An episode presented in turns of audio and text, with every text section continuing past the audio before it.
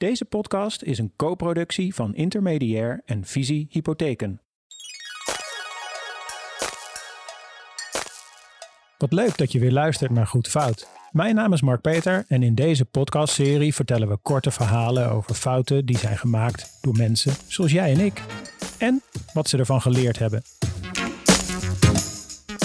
In deze aflevering maak je kennis met de fout van Lara, die ondanks haar enorme doorzettingsvermogen toch een punt zette achter haar carrière op de Zuidas.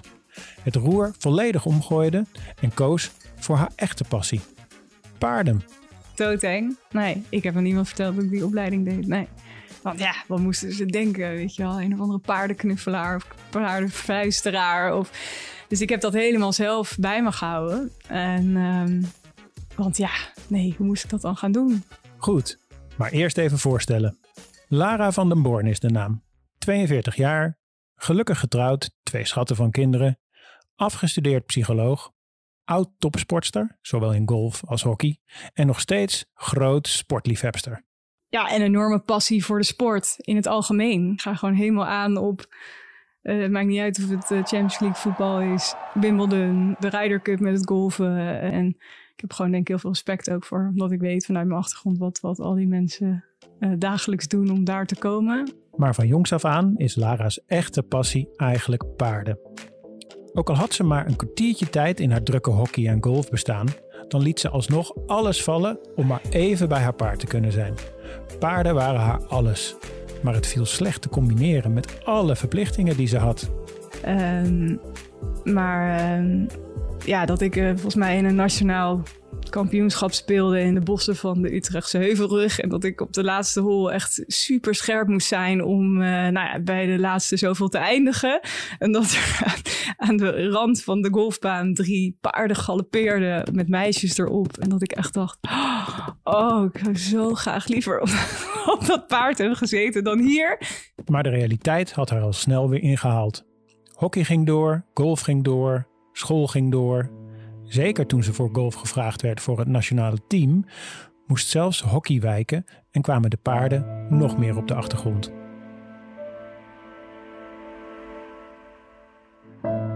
We doen een stap vooruit in de tijd. Lara heeft haar studie psychologie afgerond en het werkende leven kon beginnen. Ze ging stage lopen in New York, bij een bedrijf dat veel aan coaching deed. Vond ik zo gaaf. Die stage was voor mij wel iets van, oh, dit wil ik. Maar toen wist ik ook toen ik thuis kwam weer in Nederland van, uh, ja, ik ga niet meteen kunnen coachen en trainen, want je komt net uit de schoolbanken. Dus ga nou eerst maar eens echt even het werkende leven voelen. Dus, um, maar toen wist ik wel dat ik dus psychologie en bedrijfswereld wilde combineren. En zo kwam Lara terecht als junior recruiter bij een van de top strategieconsultants op de Amsterdamse Zuidas. Dat voelde eerst als een warm bad. Leuke mensen, ambitieus, doorzettingsvermogen. Lara voelde zich al snel thuis. Ja, ik vond het allemaal zo nieuw. Je eerste baan, joh, er komt zoveel op je af. Nieuwe, ja, weet je wel, nieuwe contacten in, binnen zo'n team, uh, wat je moet doen. Uh, ja, gewoon het werken. Er kwam zoveel op me af. Dat uh, er was genoeg uitdaging op dat moment. De lat, die lag hoog. Maar dat vond Lara prima. Het was gewoon topsport, maar dan binnen bedrijfsmuren. Na een paar jaar stapte ze over naar een concurrent om als manager aan de slag te gaan. De lat mocht weer een stukje hoger. Nadat ik die stap had gemaakt naar, naar de volgende strategiepartij, waarin ik echt een leidinggevende functie had en een team mocht bouwen, merkte ik daar, omdat ik ook nog meer mocht schakelen met de hoogste laag van het bedrijf, dat ik daar tegen dingen aanliep dat ik lastig vond. En dat ik nog meer, omdat ik zo aan het roer zat van het talent aannemen van dat bedrijf, dat ik soms ja, toch wel knaagde van, oh, ik neem zulke gepassioneerde jonge talenten aan. En dan zag ik ze ontwikkelen en dan merkte ik ook dat ik ja, dingen miste in de verzorging of de zorg voor de mens, voor de werknemer. En dat ik dacht, hmm, ik, zou dat anders doen en ik zou dat anders willen. En dan ga je vanuit je passie en probeer je dat over te brengen. En ja, soms merk je ook dat het in een muur is waar je tegenaan loopt, omdat het gewoon niet door anderen zo gezien wordt. Lara liep steeds vaker tegen zulke muren aan. Ze wilde meer aandacht voor de werknemer als mens, maar voelde zich niet stevig en assertief genoeg om in de boardroom haar punt te maken. Ze besloot een persoonlijk leiderschapstraject te volgen om dat op te lossen. Een traject dat een totaal andere wending bracht dan ze ooit had verwacht.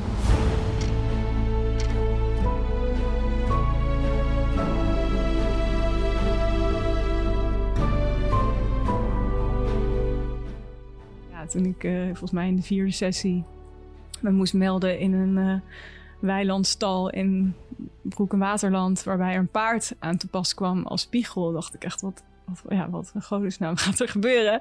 Omdat ik mijn hele leven lang met paarden had gewerkt en in de topsport dacht ik, ja, wat gaan we nu in ontwikkeling met paarden doen? En ik dacht met al mijn ervaring met paarden, dat doe ik wel even. Maar eh, deze dame die wist zo goed onder woorden te brengen wat er gebeurde tussen de dynamiek met mij en het paard. En, ik zag ook wat het paard spiegelde. Dus ik was heel voorzichtig in mijn, in mijn verbinding maken. En ik, wachtte even, ja, kat uit de boom. En op een gegeven moment kwam het paard een stap naar mij toe. En toen deed ik een stap naar hem toe. En zo was het een soort uh, liefdesdans. Uh, waarin zij mijn talenten naar boven haalde. Wat ik echt zo mega indrukwekkend vond. Ja, ik weet dat ik daar enorm door was geraakt. En nu klinkt het misschien wat, ja, wat zweverig, wat wollig.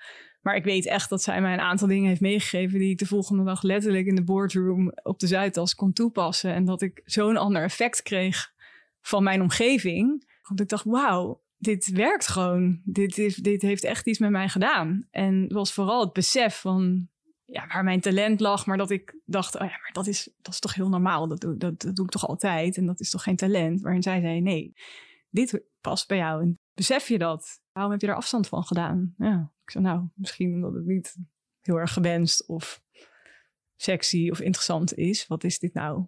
Um, nee, maar dit maakt jou zo goed in, nou ja, in je recruitment vak, in diepgang met mensen, het lezen van mensen. Oké, oh, oké. Okay.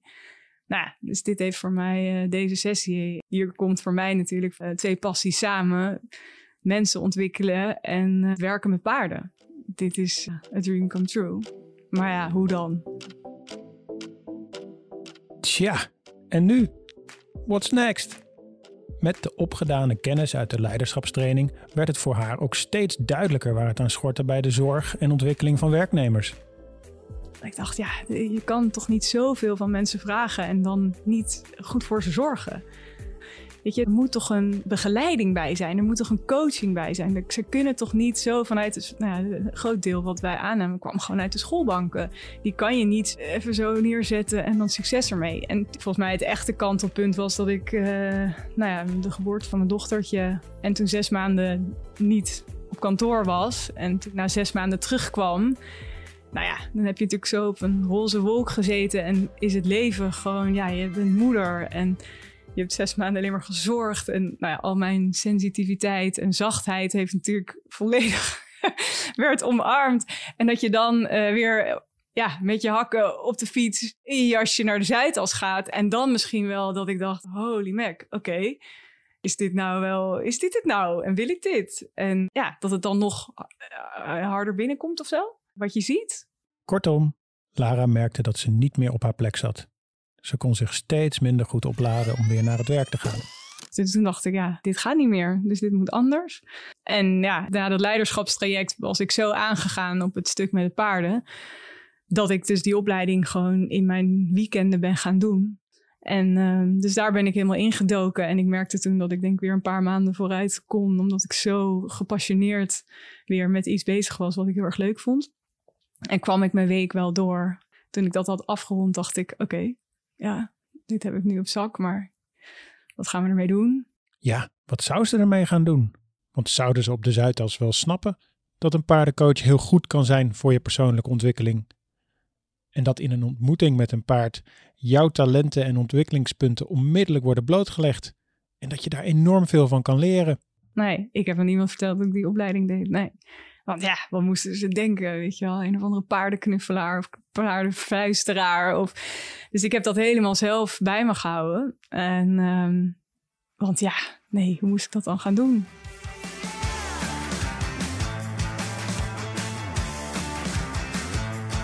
Maar het duurde niet lang of Lara liep over van de motivatie om verder te gaan als paardencoach.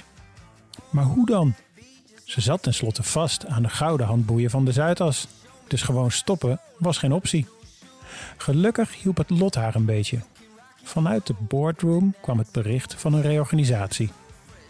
ja, zij wilde het anders gaan inrichten en ik wilde dat niet. Maar op een gegeven moment heb ik gezegd, ik ga hier gewoon niet ja op zeggen. Dit, dit ga ik gewoon niet doen. En uh, ja, ik heb gewoon doorgezet. Ik dacht, nee, dat werd alleen maar duidelijker dat ik dacht, nou, het is goed dat ik niet wegga. Dat heeft me echt toch wel nog dat extra duwtje gegeven van, ja, ik moet dit, ik moet dit gewoon gaan doen. Vamos! Dus toen ben ik naar de KVK gegaan en toen was Born Talents een feit. Um, omdat ik altijd, ik denk al jaren gesprekken had met mijn man. Van ja, ik geloof gewoon, ook als ik kijk naar mijn eerste sessie met het paard, dat je talent daar zo mooi naar boven komt of tot zijn recht komt. En iedereen wordt geboren met talent, maar zet je hem in en, en luister je ernaar.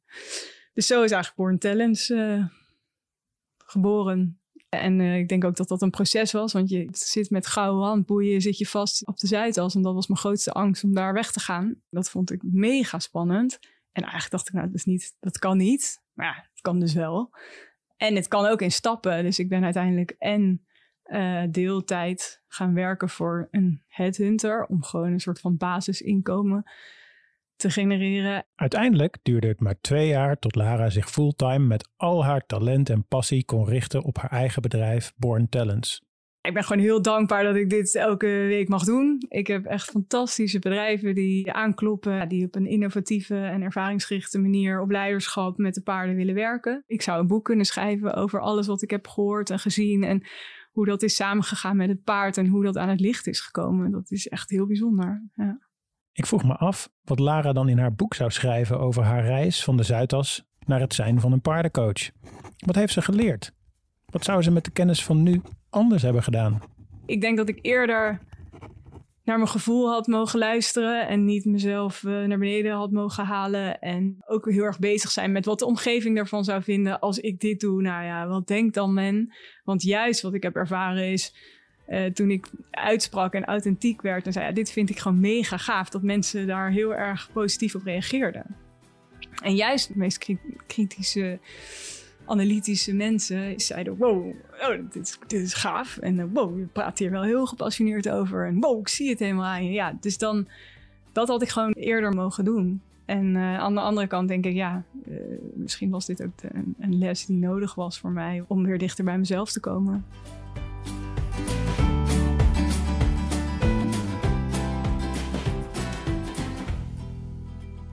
Wil je samen met mij nog meer goede fouten ontdekken? Abonneer je dan even op deze podcast en nodig meteen je vrienden en collega's uit. Alvast bedankt en tot de volgende aflevering.